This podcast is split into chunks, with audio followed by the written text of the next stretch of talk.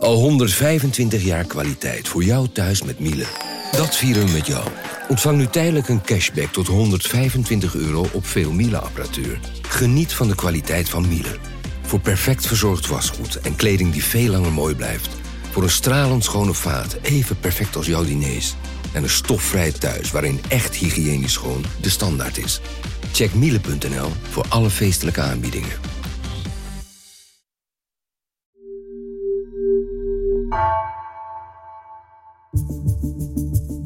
Vanaf de redactie van NRC het verhaal van vandaag. Mijn naam is Thomas Ruip.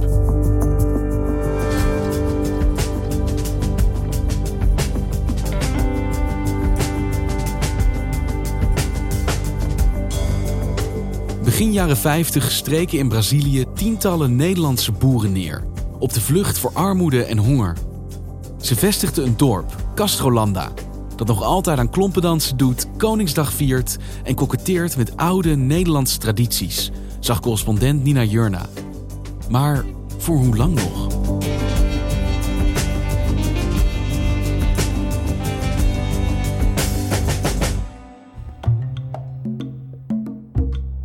Als je vanuit de stad Curitiba, dat is de hoofdstad van eh, de deelstaat Paraná in het zuiden van Brazilië, als je dan een, uh, iets van een uur of twee hebt gereden, dan uh, begint het landschap eigenlijk steeds ja, platter te worden. En af en toe zie je dan zwart-witte koeien, zoals we die ook in Nederland kennen. En dan zie je daar ineens een enorme molen met ernaast een oud-Hollands huis met dakpannen en een, eh, ja, een Hollandse tuin waar melkflessen in de tuin staan. Het staat net alsof ik in Drenthe sta. Kleine boerderijtjes in de verte. Ja, een grote stal zie ik daar. En zo'n witte huisjes met, uh, met rode dakpannen. Midden in, uh, in Brazilië. Gewoon een Nederlands landschap. Alsof je in de polder in Nederland staat. Ja, het heeft echt uh, daar alles van weg. En dan hoor je dus op een gegeven moment ook Nederlands, denk je. Maar dan is het een Nederlands met een heel zangerig accent eigenlijk. Centraal uh, in de Associatie Cultural Brasilana al meer dan 20, 25 Het is een beetje Portugees, Braziliaans met, met Nederlands ertussen. Dus je denkt van, nou, wat, wat ben ik nou in, in, in het noorden van Nederland? Ben ik in Brazilië of waar ben ik eigenlijk? Mijn huis heeft een naam, Beatrix, dat ja. het al. en later is het dus, uh, zij wou iedereen hebben. Dit is het verzorgerstehuis. Ik sprak daar met Koop Petters en zijn zus Geertje Petters Salomons. En uh, zij komen oorspronkelijk uit de omgeving van Staphorst. Ze zijn inmiddels uh, al eind uh, 60.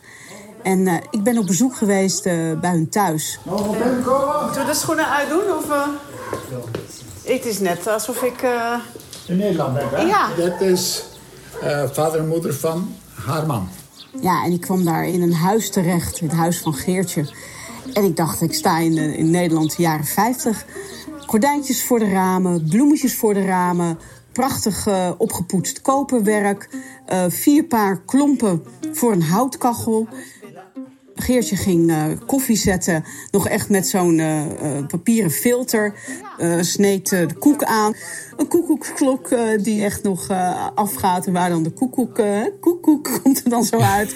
Ja, dat, dat is echt de jaren 50. Het huis was ook al daar, daarvoor, het is ook al 60 jaar oud. Dus ja. ja. we proberen hem te onderhouden. Ja. En dit is geen museum, niet met een knipoog. Dit is hoe zij leven daar.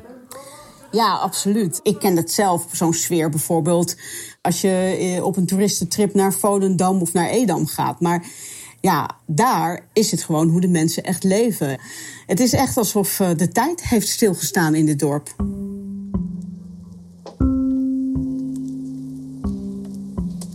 Wat doet dit oer-Hollandse, oud-Nederlandse dorp in het midden van Brazilië?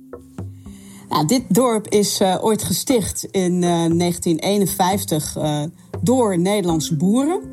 Boerenfamilies die vanuit het noorden van Nederland wegtrokken. Omdat na de Tweede Wereldoorlog er extreme armoede was op het platteland. Dus zij uh, waren op zoek naar andere plekken. En de Nederlandse overheid die was heel actief met het stimuleren van migratieprogramma's voor boeren. En dan was veel bekender natuurlijk de migratie naar bijvoorbeeld Australië of Canada onbekender was Brazilië. Wat wel het voordeel was van Brazilië in die tijd, was dat de Braziliaanse overheid het toestond dat de boeren hun machines meenamen en ook koeien mochten mee. Ruim twee dagen hebben de bemanning van het motorschip Aliot en Rotterdamse havenarbeiders nodig gehad om al het huisraad en de machines en voertuigen in te laden van acht boerenfamilies uit het noordoosten van ons land. En uiteindelijk vertrokken er dus uh, vanuit Nederland zo'n ja, 50 streng gereformeerde families naar Brazilië. Deze gezinnen, die onder meer ook nog hun vee en zaden, pootaardappelen en kunstmest meenemen, gaan zich vestigen in Castro, in de Braziliaanse staat Parana, 700 kilometer ten zuiden van Rio. En zij lieten dus hun huis, haard, familie achter. Ja, absoluut. Nou, de opa en oma, die dan ook al uh, hun boerenbedrijf hadden, ja, die bleven achter. En een brief deed er drie maanden over. Geertjes moeder bijvoorbeeld, die met uh, haar veertien kinderen en haar man naar Brazilië ging, ja, die schreef dan haar moeder. En de, die kreeg dan pas na maanden kreeg ze dan antwoord. En je zag ze ook gewoon niet meer. Ja, het begint hier trouwens nu heel hard te regenen. Ik weet niet of je dat Ach, hoort. Ik hoor het, ja. ja dat, is, uh, dat zijn de tropische regenbuien die uh, deze periode van het jaar voorkomen. Dus het lukt dus ook echt om dat agrarische bedrijf daar voor te zetten. Met meer succes zelfs dan in Nederland. Ja, absoluut. Castrolanda, dat hebben ze gesticht. In de buurt van de gemeente Castro. Castro en Hollanda, hè, Holland. De coöperatie is uh, enorm uitgegroeid. Ik bedoel, als ik boodschappen doe in de supermarkt in Rio en ik koop daar yoghurt bijvoorbeeld, dan zie ik dan uh, kan ik het merk uh, Colonia Hollandesa kopen met een molen erop. Dit is bekende Braziliaanse melk. Ja, dat zijn hele bekende merken. Heel, het is ook een van de grootste merken van, van Brazilië ook. Hey, en dit bedrijf, deze coöperatie, dat dorp eigenlijk, wat het inmiddels is, is dat ook nog steeds helemaal Nederlands daar? Nee, zeker niet. Je hebt de coöperatie zelf. Nou, er werken nu 3600 mensen. Dat is merendeels is Braziliaans. De voertaal is Portugees. Dus het is in die zin wel voor Braziliaans. Maar het bedrijf is ook trots op de Nederlandse roots. Bijvoorbeeld uh, Koningsdag. Uh, dat is daar echt een heel weekend. Oranjefeesten noemen ze dat. En ik heb daar ook uh, beelden van gezien en foto's. Nou, dat is echt enorm. Nou, dan hebben ze Sinterklaas op de traditionele manier met Zwarte Piet. En dan de Horlepiep, de dans, maar ook Zeskamp. Tegen twee andere Nederlandse dorpen. Want je hebt nog twee Nederlandse koloniën. Dus uh, ja, ze zijn in die zin echt nog, uh, houden ze heel erg vast aan die tradities. En ze beleven dat ook echt. Wauw. Nou, dat is uh, echt fantastisch.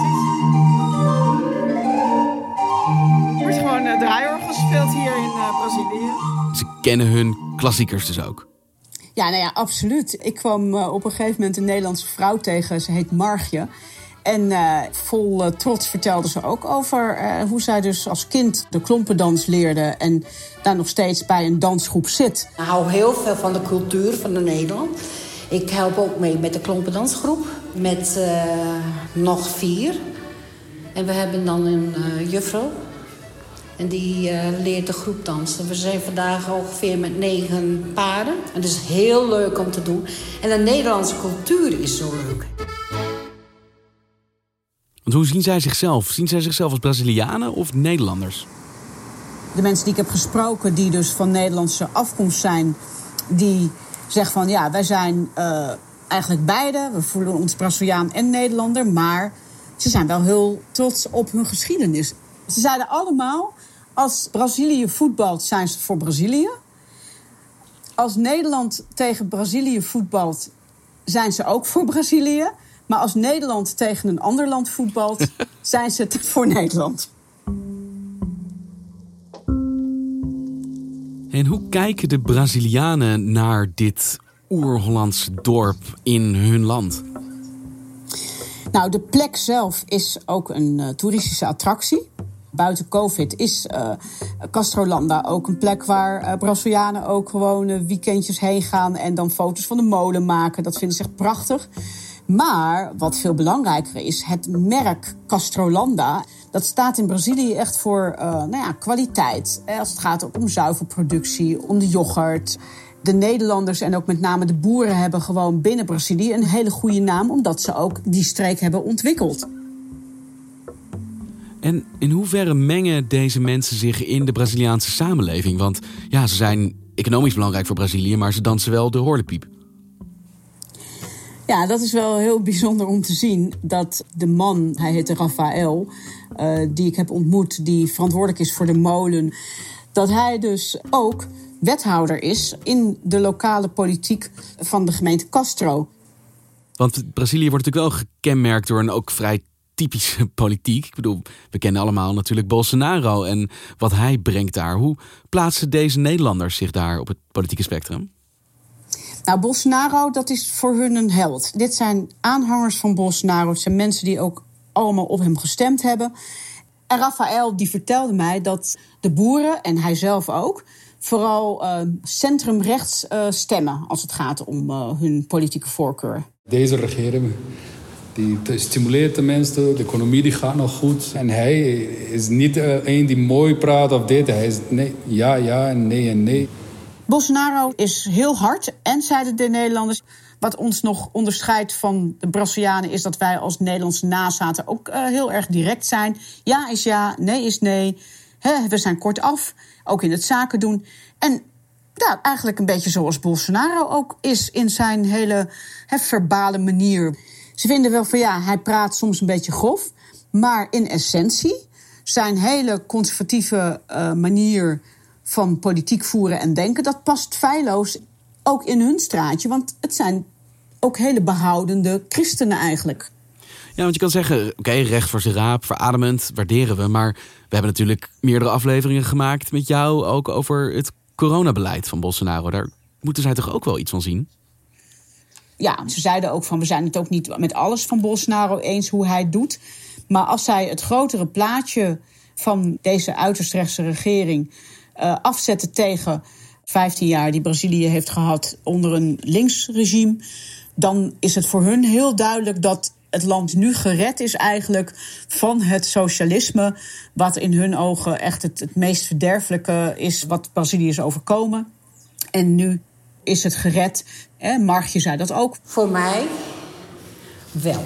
En hier voor de boeren ook. Om die kijken meer naar de, naar de landbouw en naar de, de pecuaria, zegt maar. Nou, ja. nou heb ik de woord kwijt. Ja, de veeteelt ja. en alles. Hè? Maar ja, voor veel armere uh, Brazilianen is deze regering uh, dan minder goed voor. Want het verschil tussen arm en rijk, dat is ook weer gegroeid. En hoe kijken zij, die dus profiteren van Bolsonaro's beleid, dan naar die internationale kritiek op hem? Nou ja, zij hebben dus wel last van die internationale kritiek. Want een van de dingen die hun ook wel zorgen baart, dat is het feit dat Brazilië is lid van de Mercosur. Dat is een, een uh, Zuid-Amerikaans handelseenheid. En die hebben in 2019 een mega vrijhandelsakkoord gesloten met de Europese Unie. Um, alleen een groot probleem vormt Bolsonaro en met name zijn beleid uh, ten aanzien van de Amazone. Hij wil dat veel meer openstellen, ook voor uh, economische activiteiten. Nou, daar is Europa uh, heel erg tegen. En dat maakt het voor de boeren ook lastig, omdat zij ook exporteren, met name ook soja. Dus aan de ene kant vinden ze het hypocriet hè, dat Europa zich zo opstelt. Want zeggen ze, Europa heeft eerst uh, hun eigen natuur vernietigd. En nu wordt er van Brazilië verwacht. Op het moment dat wij kunnen groeien, dat wij dan de Amazone behouden. Maar zeggen ze ja, wij moeten toch wel volgen wat er in Europa gebeurt. Want als dat handelsakkoord uiteindelijk toch nu explodeert, zou je kunnen zeggen, op basis van ja, Bolsonaro en het beleid van, van Bolsonaro ten aanzien van het milieu. Ja, dan hebben de boeren natuurlijk wel een probleem. Het is wel goed dat er een klein beetje op aangewezen wordt. We moeten wel gewoon ook helpen dat wij als Brazilianen daar ook rekening mee houden. Als we willen overleven, moeten we aan de wereldmarkt aanpassen. Ja. wij zijn er ook van afhankelijk. Want hoeveel zorgen maken ze zich daarover? Nou, uiteindelijk uh, merkte ik ook hè, bij, bij uh, Willem Bouwman, de directeur van, van de coöperatie, die zei ja. We moeten daar rekening mee houden, maar de wereld heeft toch voedsel nodig. En dan kom je toch uit op Brazilië.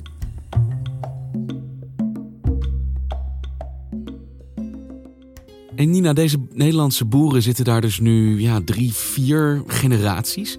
Hoe lang gaat dit nog Nederlands blijven daar? Ja, dat is de grote vraag. De molen, het museum, Hè, en af en toe wat Nederlandse huizen. Dat, dat staat er gewoon. Maar hoe lang kun je nog je nieuwe generatie interesseren voor bijvoorbeeld uh, de cultuur?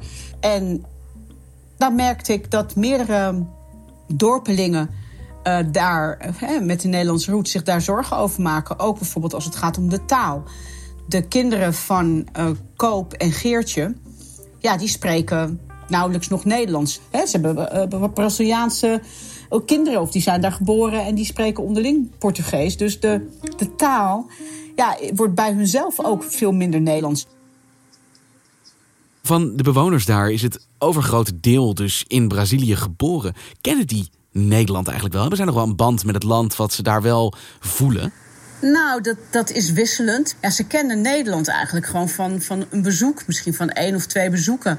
Margje, die is daar dan wel uh, geweest op bezoek. En, en dan vinden ze het een uh, hele ervaring. Wat ik heel leuk vond in Nederland... ik ben vijf jaar geleden heen geweest... dat was uh, Zaanse Schans. Bij haar vond ik het zo opmerkelijk. Margje is dus geboren in Brazilië... Maar die spreekt dus gewoon echt met een Drents accent. Als ik met u praat, dan denk ik... ja, ik zit met een Nederlandse mevrouw gewoon te praten. Nee. en dat vonden ze in Nederlands zo raar, hè? Dat je zo Nederlands kunt praten en je kunt, eh, kunt je redden. En ik zeg, ja, hier mijn papieren, mijn paspoort. Margje was echt nog uh, accentloos Nederlands. Heel, heel apart vond, vond ik dat. Maar ja, de taal, die is toch ook wel... Uh, op een terugtocht. Ze proberen wel dat te behouden. Er is een school waar nog een aantal uur per week ook Nederlands wordt gegeven. Er is ook een Nederlandse leraar is, uh, daarvoor aangenomen, die dus ook uit Nederland kwam. Maar ja, als je dus uh, een jonge leraar uit Nederland bent, in zo'n toch wel ja, hè, een dorp waar de tijd heeft stilgestaan. Dus die is uiteindelijk terug naar Nederland gegaan. Je vraagt je ook af of het op een gegeven moment iets krampachtigs krijgt. Misschien om maar vast te houden aan die oude Nederlandse tradities die hier ook zijn verdwenen. En of je het op een gegeven moment niet gewoon ook ja, moet laten voor Brazilianiseren. Ja, nou, het is natuurlijk al voor een groot deel Braziliaans. Uh, wat Rafael al vertelde, de molenaar eigenlijk ook van, van het dorp. Hij zei: Ik heb geen opvolger. Hij is de laatste molenaar van het dorp. Hij is de eerste, maar ook de laatste waarschijnlijk, als hij dus het stokje niet kan overdragen. Dus als ik vandaag weg ben, kan, niemand kan de. Ik wil wel aan andere mensen dat het leren. Hè? Dat ik wil wel iemand optrainen als ik niet meer ben, dat, eh, dat hij verder kan. Want ik wil niet dat, uh, dat, dat stil blijft staan. Nee. Tot nu toe heeft hij dus niet iemand ontdekt van de jonge generatie die daar interesse in heeft. Ik heb twee kinderen, maar ja. twee meisjes, een van 15 en een ander van 11 jaar. Maar het uh, hangt af wat ze verder willen leren. Toen ik daar zo rondliep en met die mensen sprak, toen dacht ik wel van ja, ik weet niet of als ik eh, over pakweg 5 à 10 jaar terugkom, of deze plek op de coöperatie na dan vooral misschien ook wel een toeristische trekpleister is uh, voor de Brazilianen. Om een mooie molen te zien en, en de Nederlandse huizen. Ik vraag me af of zeg maar die Nederlandse identiteit en al die gebruiken, of die er dan nog zijn. Ik vraag me echt af of de nieuwe generatie die dat ook gaat behouden. Dat uh, durf ik niet te zeggen.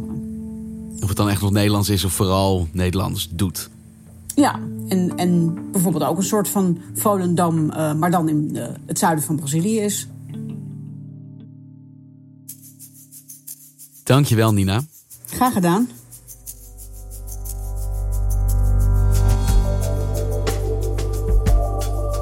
Je luisterde naar vandaag, een podcast van NRC. Eén verhaal, elke dag. Deze aflevering werd gemaakt door Esme Dirks en Misha van Waterschoot. Plaatsvervangend chef van de audioredactie is Ido Havinga. De muziek die je hoort is van Rufus van Baardwijk. Dit was vandaag, maandag weer.